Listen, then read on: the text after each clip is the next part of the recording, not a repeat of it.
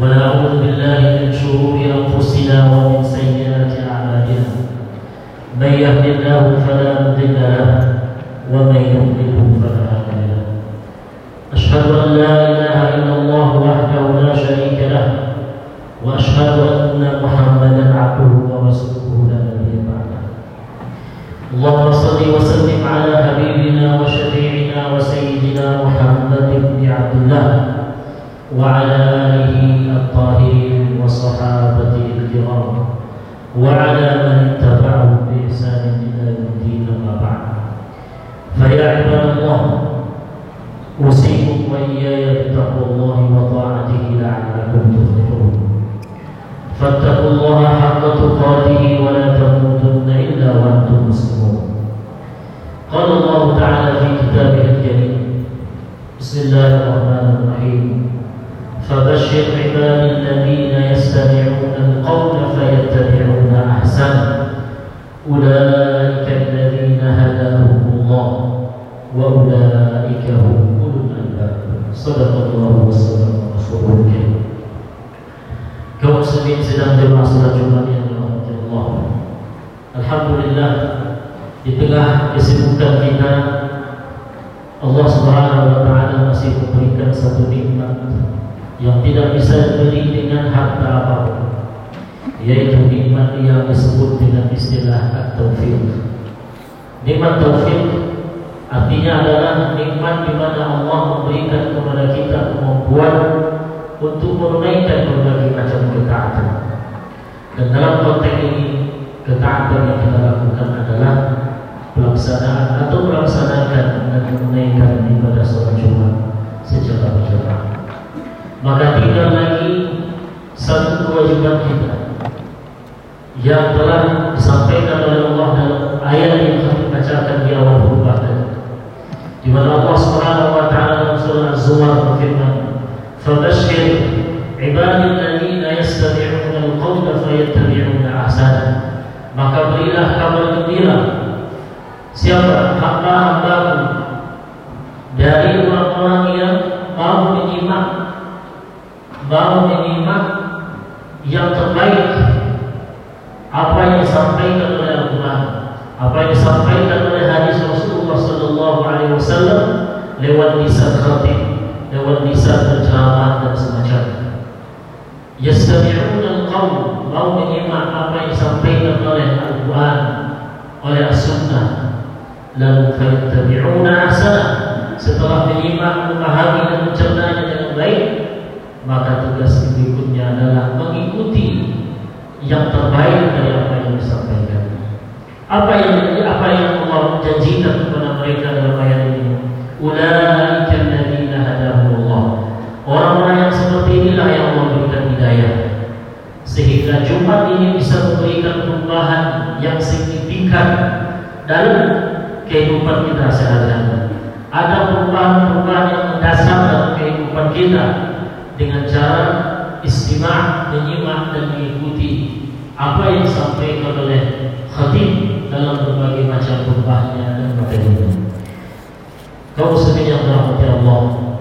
Kemudian selawat dan salam kita kirimkan kepada Nabi Muhammad Sallallahu Alaihi Wasallam dengan harapan mudah-mudahan kita mudah-mudahan nanti kelak akhirat kita diakui sebagai umatnya yang layak memberikan syafaat di saat kita membutuhkan bantuan yang tidak hanya bisa kita dapatkan kecuali dari Allah dan orang-orang yang diizinkan untuk memberikan syafaat. Amin ya. Sedang jemaah salat Jumat yang dirahmati Allah. Judul khutbah dan khatib pada kali ini adalah potret perilaku kaum borjuis hedonis dalam Al-Quran. Kaum muslimin yang dirahmati Allah. Sebagaimana yang kita ketahui, ada satu kelas masyarakat yang diistilahkan dengan kaum borjuis atau hedonis. Kelas masyarakat ini adalah kelas dari menengah ke atas yang biasanya kelas masyarakat ini identik dengan bergelimang harta, bergelimang dengan pangkat dan jabatan. Hidupnya penuh dengan materi, penghasilannya luar biasa. Sehingga orang-orang yang seperti ini ini menjadi sorotan dalam Al-Quran. Kalau kita perhatikan ayat-ayat Al-Quran, kita akan menemukan seperti apa potret dari kaum Jewish hedonis yang disorot oleh Al-Quran, yang dijadikan perhatian oleh Allah Subhanahu Wa Taala dalam Al-Quran. Maka pada khutbah yang singkat ini, mari kita lihat seperti apa potret kaum Jewish hedonis yang disuguhkan oleh Al-Quran kepada kita agar kita bisa memilih mana yang baik dan meninggalkan mana yang tidak baik. Kaum muslimin yang Allah. Dalam Al-Quran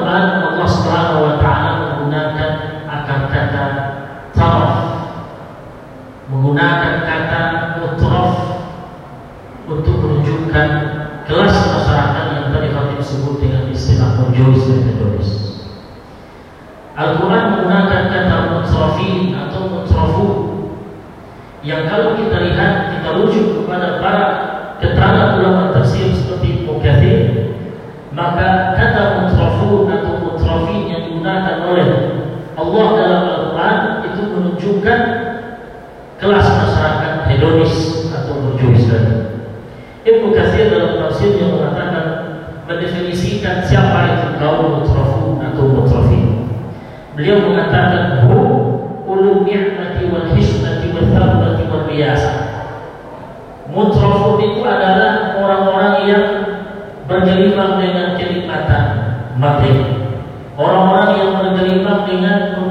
macam kemewahan dunia, punya pangkat. Orang-orang yang dihormati di masyarakat, punya jabatan. Dan inilah yang kita sebut dengan istilah kaum hedonis atau berjuis. Orang-orang yang punya pandangan hidup bahwa kenikmatan materi itulah tujuan utama hidup. Sehingga mereka hidup bergelimang kemewahan duniawi, bergelimang materi dan semacamnya. Maka berangkat dari penjelasan ulama tafsir Ibnu Katsir ini maka maka mari kita lihat seperti apa ayat-ayat Al-Quran yang menggambarkan perilaku dari kaum Jus dan ini. Kaum muslimin yang berahmati Allah. Potret yang pertama, potret perilaku dari kaum Jus yang digambarkan oleh Allah dalam Al-Quran adalah kaum Jus, kaum mutrafi atau mutrafu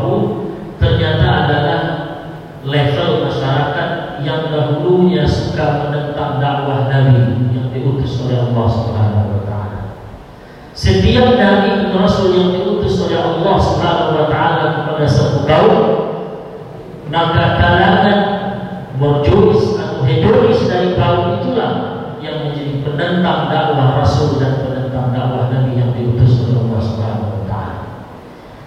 Potret ini digambarkan oleh Allah dalam surat Sabah di mana Allah berfirman "Wa ma arsalna fi qaryatin min nadhir illa qala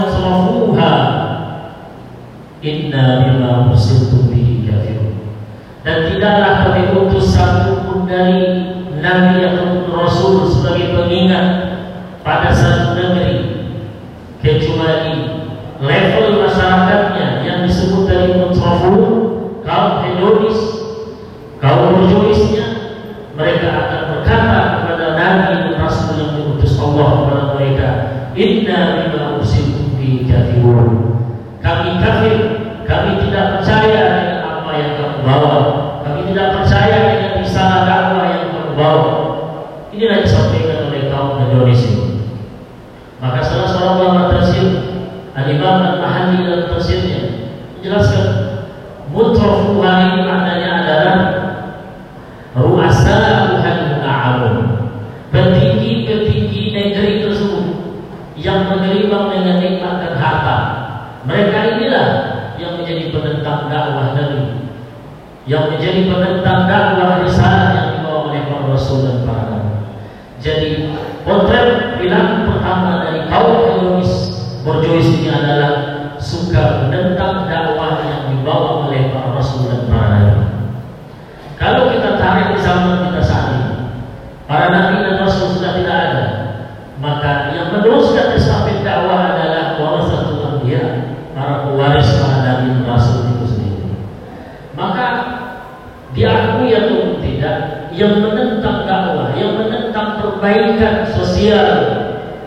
kita ke agama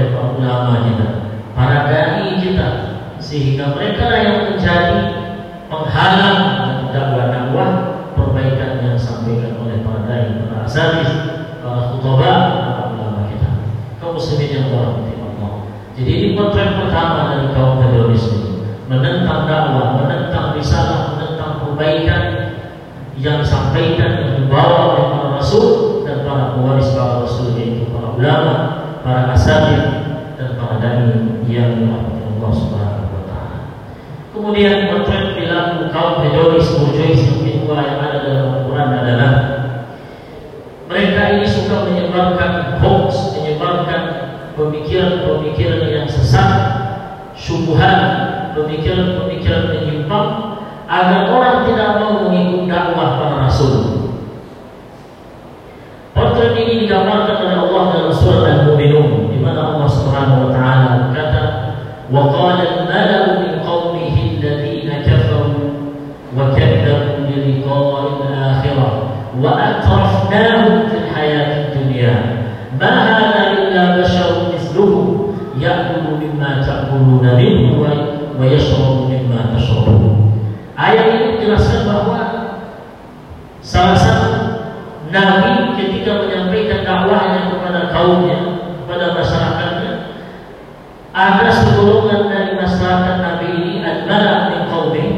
kelompok dari masyarakat yang didakwai oleh kaum ini. Menebarkan subuhan pemikiran agar masyarakat yang lain tidak mau mengikuti dakwah Nabi siapakah kelompok masyarakat ini? Allah menggambarkan alladzina kafaru. Orang-orang yang kafir tidak mau beriman. Wa kadzabu bi adalah akhirah. Tidak beriman dengan hari akhirat. Dan yang ketiga ini poin kita. Wa atrafnahu fil hayatid dunia orang-orang yang kami berikan kenikmatan dunia kata Allah. Kami berikan berbagai macam kemewahan dunia. Dan inilah mereka yang kita sebut tadi dengan mutrafun atau kaum jois yang ternyata menjadi penghalang dakwah sekaligus menyebarkan berbagai macam bentuk pemikiran agar orang bisa agar orang tidak mengikuti dakwah para rasul dan para pewaris para rasul. Maka dalam ayat ini apa sebuah oleh kaum oleh level oleh sekelompok masyarakat Nabi ini. Kata mereka, "Nah, illa basyarun mislukum." Ini orang yang mengklaim dirinya sebagai nabi itu hanya manusia biasa, tidak ada bedanya dengan kalian, kata kaum. Nah, illa basyarun mislukum, manusia biasa itu. Ya'kulu mimma ta'kuluna minhu. Dia memakan apa yang kalian makan. Kalau kalian makan nasi, dia juga makan nasi. Wajah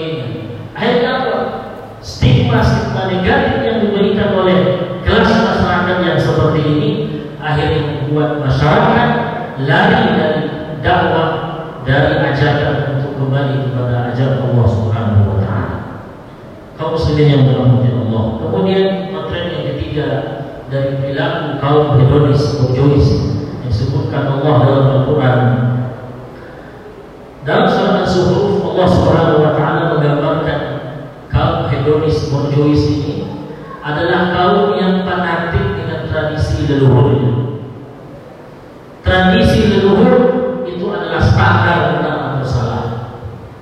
Kalau itu sudah menjadi tradisi leluhur, maka tidak ada cerita yang bisa diubah. Mereka akan pegang mati-matian. Ini tradisi, ini prinsip yang dipegang oleh kaum hedonis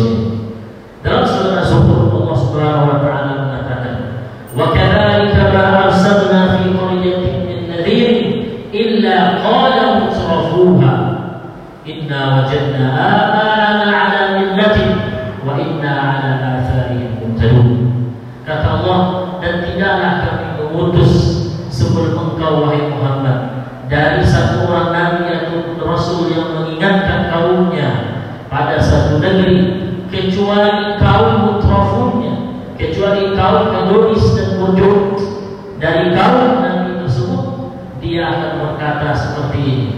Apa kata mereka? Inna wajadna ba'ana ala billah. Sesungguhnya kami mendapatkan nenek moyang kami leluhur kami itu berada dalam satu kepercayaan satu tradisi yang sudah diwarisi dari turun temurun wa inna ala atharihim muhtadun dan kami wahai nabi wahai rasul kami mengikuti apa yang mereka tinggalkan. Apa yang menjadi tradisi mereka itulah yang kami kaum muslimin yang Allah inilah potret yang ketiga.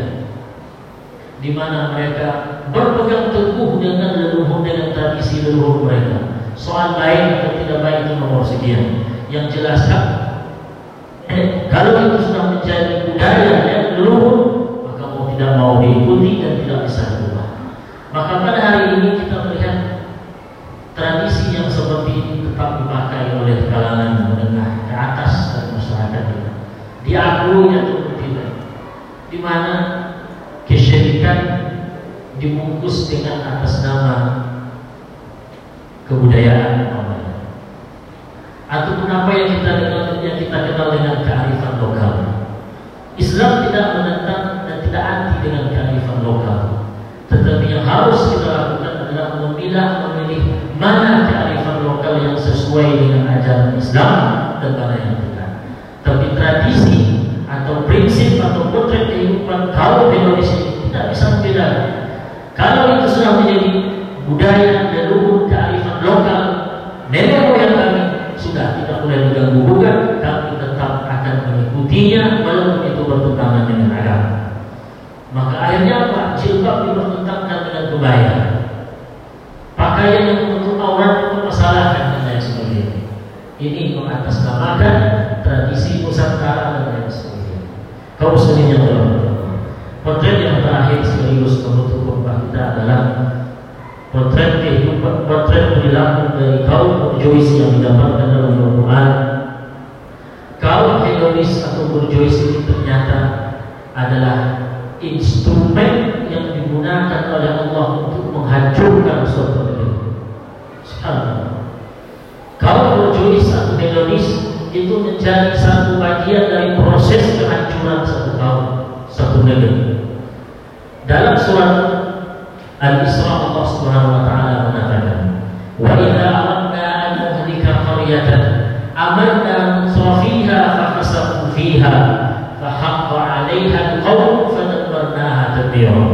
Kata Allah, kalau kami ingin menghancurkan satu negeri dalam sebuah besar mungkin negara, kalau kami ingin menghancurkan sebuah negara, sebuah provinsi dan pulau maka bagaimana bagaimana proses, bagaimana sunnatullah Allah menjelaskan amarna mutrafiha.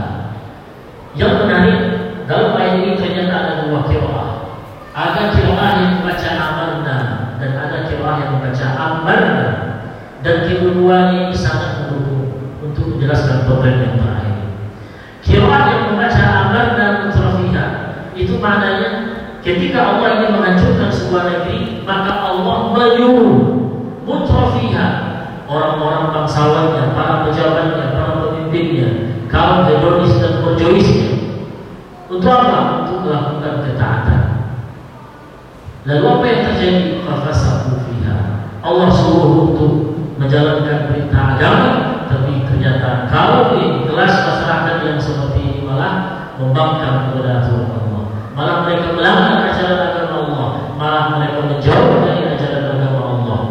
Lalu apa akhirnya? Fahamka maka wajiblah atas mereka firman Allah keputusan Allah untuk menghukum mereka fadan marnaha maka barulah Tuhan negeri tersebut. Maka kau hedonis perilakunya yang seperti ini, yang disuruh untuk dekat dengan agama, tapi justru menjauh dari agama, ternyata menjadi instrumen dalam kehancuran satu kaum. Kemudian kalau kita baca dengan kiraat ambarna mutrafiha, maka maknanya adalah kalau Allah ingin menghancurkan satu kaum, maka Allah akan mengangkat pemimpin kaum tersebut dari kalangan kaum berjois dan hedonis dan ambarna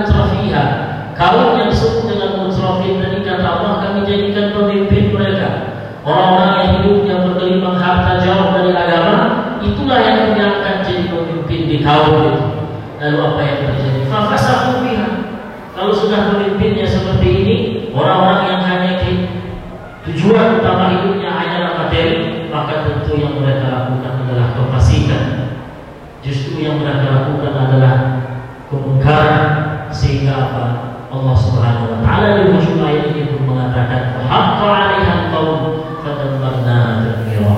Kami hancurkan negeri tersebut dengan sehancur-hancurnya. Maka kaum muslimin yang dirahmati Allah, perilaku kaum hedonis yang menyimpang dari ajaran agama ternyata itu menjadi salah satu instrumen yang digunakan Allah untuk menghancurkan satu negeri. Fakta bi ya wa nafsa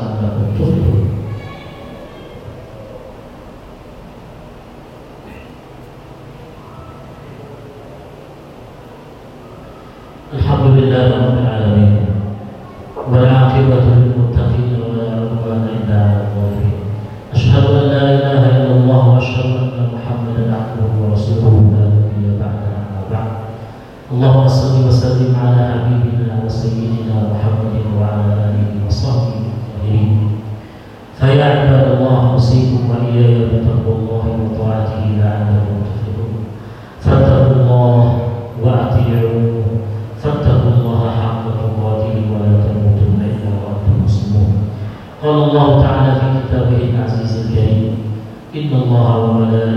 يصلون على النبي.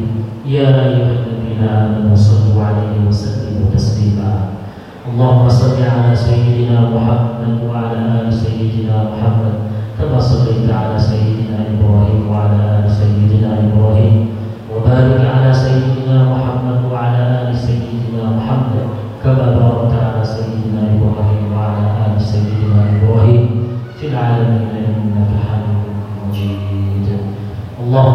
اغفر للمسلمين والمسلمات والمؤمنين والمؤمنات الأحياء منهم والأموات. اللهم اجعلنا ممن يستمعون القول فيتبعون أحسنه. اللهم اجعلنا ممن يستمعون القول فيتبعون أحسنه. اللهم اجعل اللهم لا تجعلنا من المترفين. اللهم اجعل اللهم لا تجعلنا